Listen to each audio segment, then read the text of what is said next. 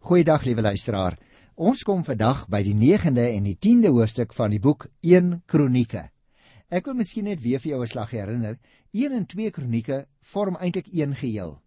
Toe die Bybelboeke eeue terug op boekrolle neergeskryf is, was die werk natuurlik te lank vir net een rol. En daarom is dit uiteindelik op twee rolle neergeskrywe. En dit het toe met loop van tyd gewoonte geword om van kronieke as 'n werk met twee dele te praat. En vandag nog word dit in ons moderne Bybels apart gedruk as 1 Kronieke en 2 Kronieke. Ons moet egter nie vergeet nie, dit is eintlik 'n werk wat deurlopend gelees moet word. Met ander woorde, die verhaal wat vertel word in 1 en 2 Kronieke sluit eintlik by mekaar aan. Ons moet dit nie sien as 'n onderbreking nie. Die werk kan eintlik maar in twee onderafdelings verdeel word. Die eerste onderafdeling bestaan uit lyste van name. Ons het nou al 'n groot klomp daarvan genoem En dan die tweede onderafdeling vertel die lang geskiedenis van Saul af tot by die ballingskap. 1 Kronieke gaan tot by die einde van Dawid se lewe. En dan uiteindelik in 2 Kronieke word van Salomo af en verder vir ons vertel. Maar liewe luisteraar, ek haas my om eers so 'n bietjie vir jou iets te vertel van die ballinge wat teruggekeer het uit Babel.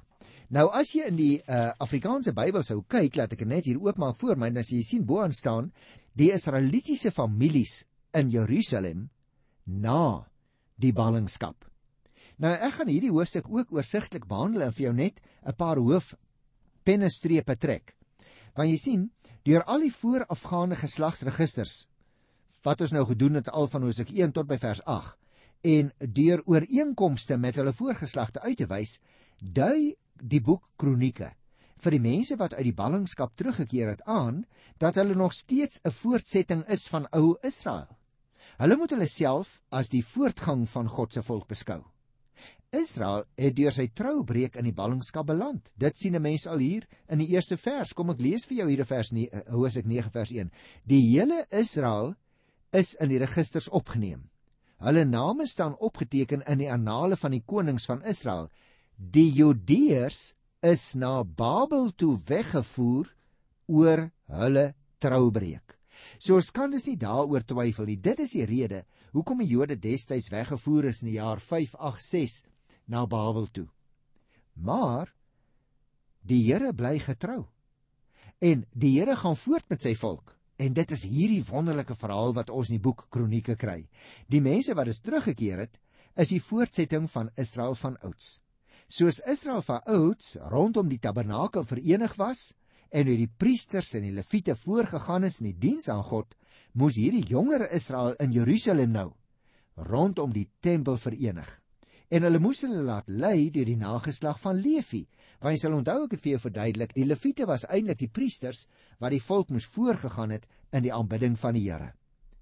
Hierdie mense is dus steeds ten spyte van hulle voorouers se ontrou en nou kom hulle terug na die land en hier spesifiek na Jerusalem toe, is hulle nog steeds die volk van die Here. En hulle mees uitstaande kenmerk behoort steeds toewyding aan die Here te wees. Wanneer die Here vir hom vandag nog, liewe luisteraar, Christus gelowiges saamroep in hierdie wêreld as 'n gemeente, as 'n nuwe gemeenskap in die wêreld. Hy maak ons bymekaar in Jesus Christus, dan is daardie gemeente of daardie kerk 'n voortsetting van die eeue oue gelowige volk van die Here. Maar nou onder 'n nuwe hoof, naamlik Jesus Christus.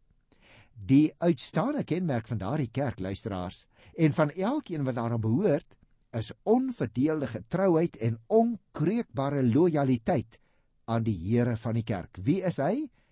Jesus Christus. En daarom tussen hakies, die woordjie kerk dui dus op diegene wat aan die Here behoort. Dit moet ook elke gelowige se lewe as dit ware kenteken maak. Met ander woorde, as mense na jou en my kyk, dan moet hulle die stempel van Christen wees, die stempel van die Here Jesus Christus in ons sien want ons is sy verteenwoordigers dit moet met ander woorde in ons woorde en uit ons dade en uit ons gesindheid daagliks blyk dat ons aan die Here behoort. Nou as 'n mens na jouself kyk, dan word jy baie kere so bietjie skaam. En as jy nou kyk na hierdie 'n lang geslagslys van Israelitiese families wat in 1 Kronieke 9 genoem word, dan is daar eintlik maar een bedoeling daarmee, naamlik julle moet herinner word, wil die kroniekskrywer sê, waar julle vandaan kom en aan wie julle behoort aan die Here self. Nou as ons by die 10de hoofstuk van 1 Kronieke kom, dan kom ons eintlik eers kry ons eintlik vir die eerste keer weer 'n soort van 'n verhaal, 'n stuk geskiedenis. En ek wil hê dat jy dit self so bietjie sal gaan lees van handel oor die dood van koning Saul. Die teks, liewe luisteraars van die kroniekboek, kry van hoofstuk 10 af eintlik heeltemal 'n ander karakter as die eerste 9 hoofstukke wat net name en duisende name die een na die ander was. Jy sien, van die geslagsregisters in die vorige hoofstukke word nou oorgeslaan na die verhaal van Dawid se koningskap. En hierdie verhaal is baie bekend aan ons. Dit is reeds in die boeke Samuel en Konings opgeteken hoe dat Saul gesterf het daar op die Gilboa bergte in sy stryd teen die Filistyne. Daarom wil ek dit nou nie weer met jou bespreek nie, want ons het dit ons daardie hoofstukke behandel het met mekaar gedeel. Ek dink dit is belangrik om na te uh, raak te sien luisteraar, dikwels veronderstel die kronisse juis dat die leser vertroud is met die besonderhede van 'n verhaal waarna hy verwys. Net soos wat jy en ek die verhaal van Saul se sterwe teen die Filistyne ken, en daarom gaan ek dit ook nou vandag nie met jou herhaal nie. Die kroniekskrywer plaas die bekende materiaal egter in 'n nuwe konteks. Hy wil die lesers van sy tyd laat verstaan wat die sin is en wat die betekenis is van die geskiedenis wat agter hulle lê. Met ander woorde, met die oog hierop vertel hy nou oor wat destyds gebeur het en selekteer hy sekere van die gegevens en lewer hy ook kommentaar daarop. Jy sien kronieke is dus nie 'n geskiedenisboek met variasies op die inligting van Samuel en konings nie. Dit is 'n boek met 'n eie boodskap. As dit ware een lang preek oor bekende geskiedenisse. En daarom in die volgende hoofstukke waarmee ek dan volgende keer so die Here wil sal voortgaan, word daar op hierdie besondere boodskap gewys. Die Here leer vir ons deur die geskiedenis sekere lesse. Met ander woorde vir die kronikus is Saul meer sondaar as koning. Hy beoordeel dus koning Saul se regeringskap. Sy dood is nie so so seer die tragiese einde van die eerste koning van Israel destyds nie. Maar sy dood is die straf gerig oor 'n sondaar. Daarom interessant as 'n mens hier kyk by die 6ste versie. Ek lees hier in uh, 1 Kronieke by die 10de hoofstuk by vers 6. Luister. So is Saul en sy 3 seuns, ja al sy seuns, saam dood. Hy vertel dus nie weer die verhaal nie. Hy maak net 'n beoordeling en gee in hooftrekke wat daar daardie dag op die Gilboa berg gebeur het. En daarom verskil hierdie 6ste vers van die verhaal in Samuel daarin dat hier vermeld word dat Saul en al sy seuns saam dood is. Hoekom? Dis die vraag wat jy nou mag vra. So kom ons gesels 'n bietjie daaroor. Die ontrou word hier as verbondsverbreeking beskryf. Ten eerste deurdat Saul aan die bevel van die Here ongehoorsaam was, waarmee die kronikus verwys na die botsing van Saul en Samuel as die draer van die woord van God. En tweedens luisteraars, moet ons onthou, het Saul se ontrou daartoe gelei, soos lees ons in hierdie hoofstuk, dat hy raad gevra het by 'n gees in plaas van die Here te raadpleeg. Nou hierdie optrede getuig natuurlik van minagting teenoor die Here, deurdat Saul te kenne gegee het dat daar beter raadgewers is as die Here en daarom gaan raadpleeg uit die towerheks van Endor daar in 1 Samuel 28. Hier word nou verwys na die geleentheid toe Saul die dode beswerer of daardie towerheks gaan raadpleeg het. Nou volgens 1 Samuel 28 sal jy onthou, het Saul die Here wel geraadpleeg, maar die Here het hom nie geantwoord nie. En hierdie verlate van God wees was dus eintlik 'n straf op Saul se verkeerde optrede. Teenoor die bose dodebesweerster staan die lewende God. En Saul, wie se loopbaan as koning van Israel met soveel belofte begin het en in wie die gees van die Here kragtig gewerk het volgens 1 Samuel 11 vers 6, het die dood gekies. Nou lees ons: Daarom het die Here hom doodgemaak. Deur die hand aan sy eie lewe te slaan, die 4de vers, het Saul dus eintlik die wil van die Here om hom te veroordeel uitgevoer.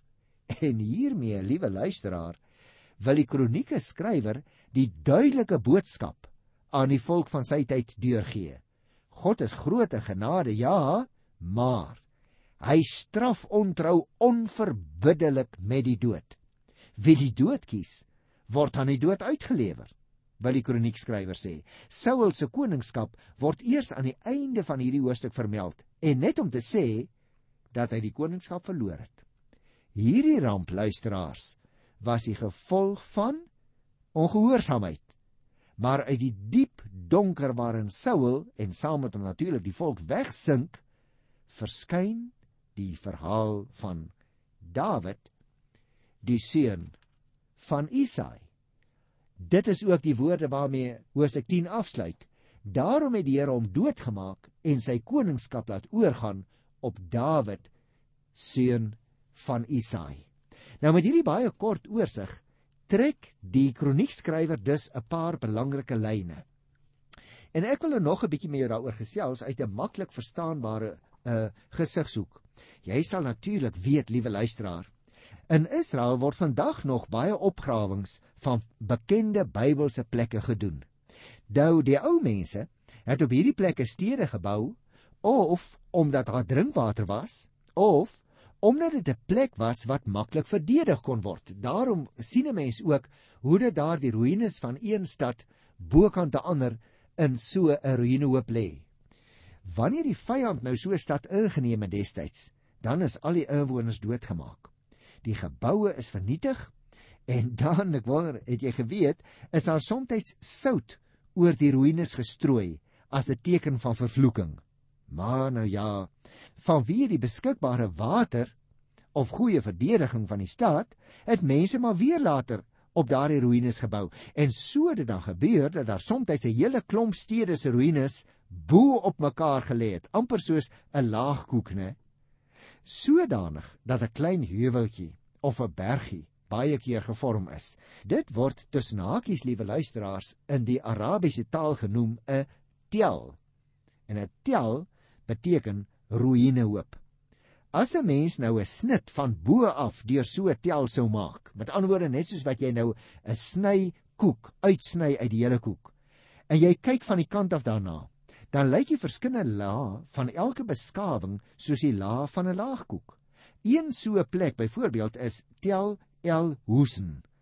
In die Bybelse taal word dit genoem Betsan. Het jy geweet By daardie ruïne plek lê die ruïnes van 18 verskillende stede bo op mekaar. Nou in die 5de laag van bo af. Dit is nou stratum 5. Is die oorblyfsels van twee tempels gevind. Dit is die tempels van Dagon en Astarte waarvan ons lees in 1 Samuel 31 en dan in vandag se een hoofstuk 1 Kronieke 10. Nou sien 'n mens alleen maar die vaal klippe as jy dit vandag daar as 'n toerist besoek. Maar baie eeue terug in die geskiedenis was hier by hierdie plek Betsan 'n baie groot fees. Nadat Saul verslaan is, sal jy onthou, is sy lyk onthoof. Die liggaam is teen die muur van die stad vasgespijker. Sy wapens en sy kop is eers in die land van die Filistyne rondgestuur as 'n oorwinningstrofee om vir die Israeliete te sê: "Kyk wat het ons met julle koning Saul gedoen." En daarna is arme ou Saul se wapens neergelê in Betsan in die tempel van Astarte, vertel die Bybel vir ons daar in die Ou Testament, daardie hoofstuk wat ons behandel het. Die godin van vrugbaarheid en liefde en oorlog. Sy kop is toe uiteindelik neergelê in die tweede tempel die tempel van Dagon, die afgod van landbou of graan. En so, met sy liggaam aan die muur, sy wapens by Astarte en sy kop by Dagon, vou die stof van baie eeue die eerste koning van Israel toe agter die nevels. En daarom is hierdie 1 Kronieke 10 vir ons so belangrik. Want jy sien vir die gelowige wat net die Bybel in sy hand hou en ons lees daarin word hierdie verhaal nou skielik uit 'n ander gesigshoek beoordeel hier in 1 Kronieke by die 10de hoofstuk. Ek gaan kortliks hierna kyk want dit is vir ons baie belangrik. Jy sien, in die eerste 5 verse lees ons van die soldate van Israel wat op die gebergte Gilboa lê. Die Filistynse boogskutters agtervolg uiteindelik vir Saul en sy seuns. Sy seuns val ook voor die vyand. Jonathan en Abinadab en Malkisua. Net een seun bly oor, naamlik Isboset. Sy naam, luisteraar kry ons in 2 Samuel hoofstuk 2 vers 8. Ek het toe ons dit behandel het met jou oor hierdie Isboset gesels. Wat 'n patetiese beeld van koning Saul word hier in die Bybel geteken. Enkele ure tevore was hy nog vermomd voor die towerheks van Endor. Kon hy daar sit as die bang koning van Israel. Nou het nie alleen sy vermomming nie, maar ook al sy moed van hom afgeval. Hy bewe onbeskaamd van angs. Meer nog, hy bied sy lewe op 'n skinkbord aan aan sy wapendraer. Maar sy wapendraer wou nie staan daar omdat hy baie bevrees was, vertel die 4de vers vir ons. Dit lyk vir my in sy hart weet Saul deur al die vrees heen, die berge van spot wat wag in die hande van die vyand, daarvoor sien hy nie kans nie. En daarom neem hy sy swaard en hy val daarin. Die 5de vers vertel vir ons toe sy wapendraer sien dat Saul dood was, val hy self ook in die swaard sodat hy ook gesterf het.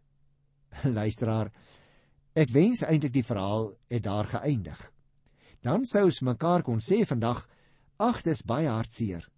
Maar gelukkig het Saul alleen die prys betaal.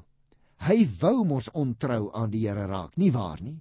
Hy wou mos die gees van 'n afgestorwene om inligting gevra het, soos as juis in vers 13 lees.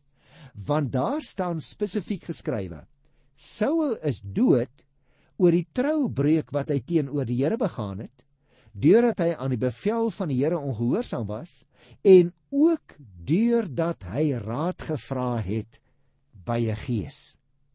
Nou die Bybel, wil ek net vir jou tussen hakies sê, ontken nie dat haar raad gevra kan word by 'n gees nie. Maar die Bybel verbied dit. En dit was hierdie ou se sonde.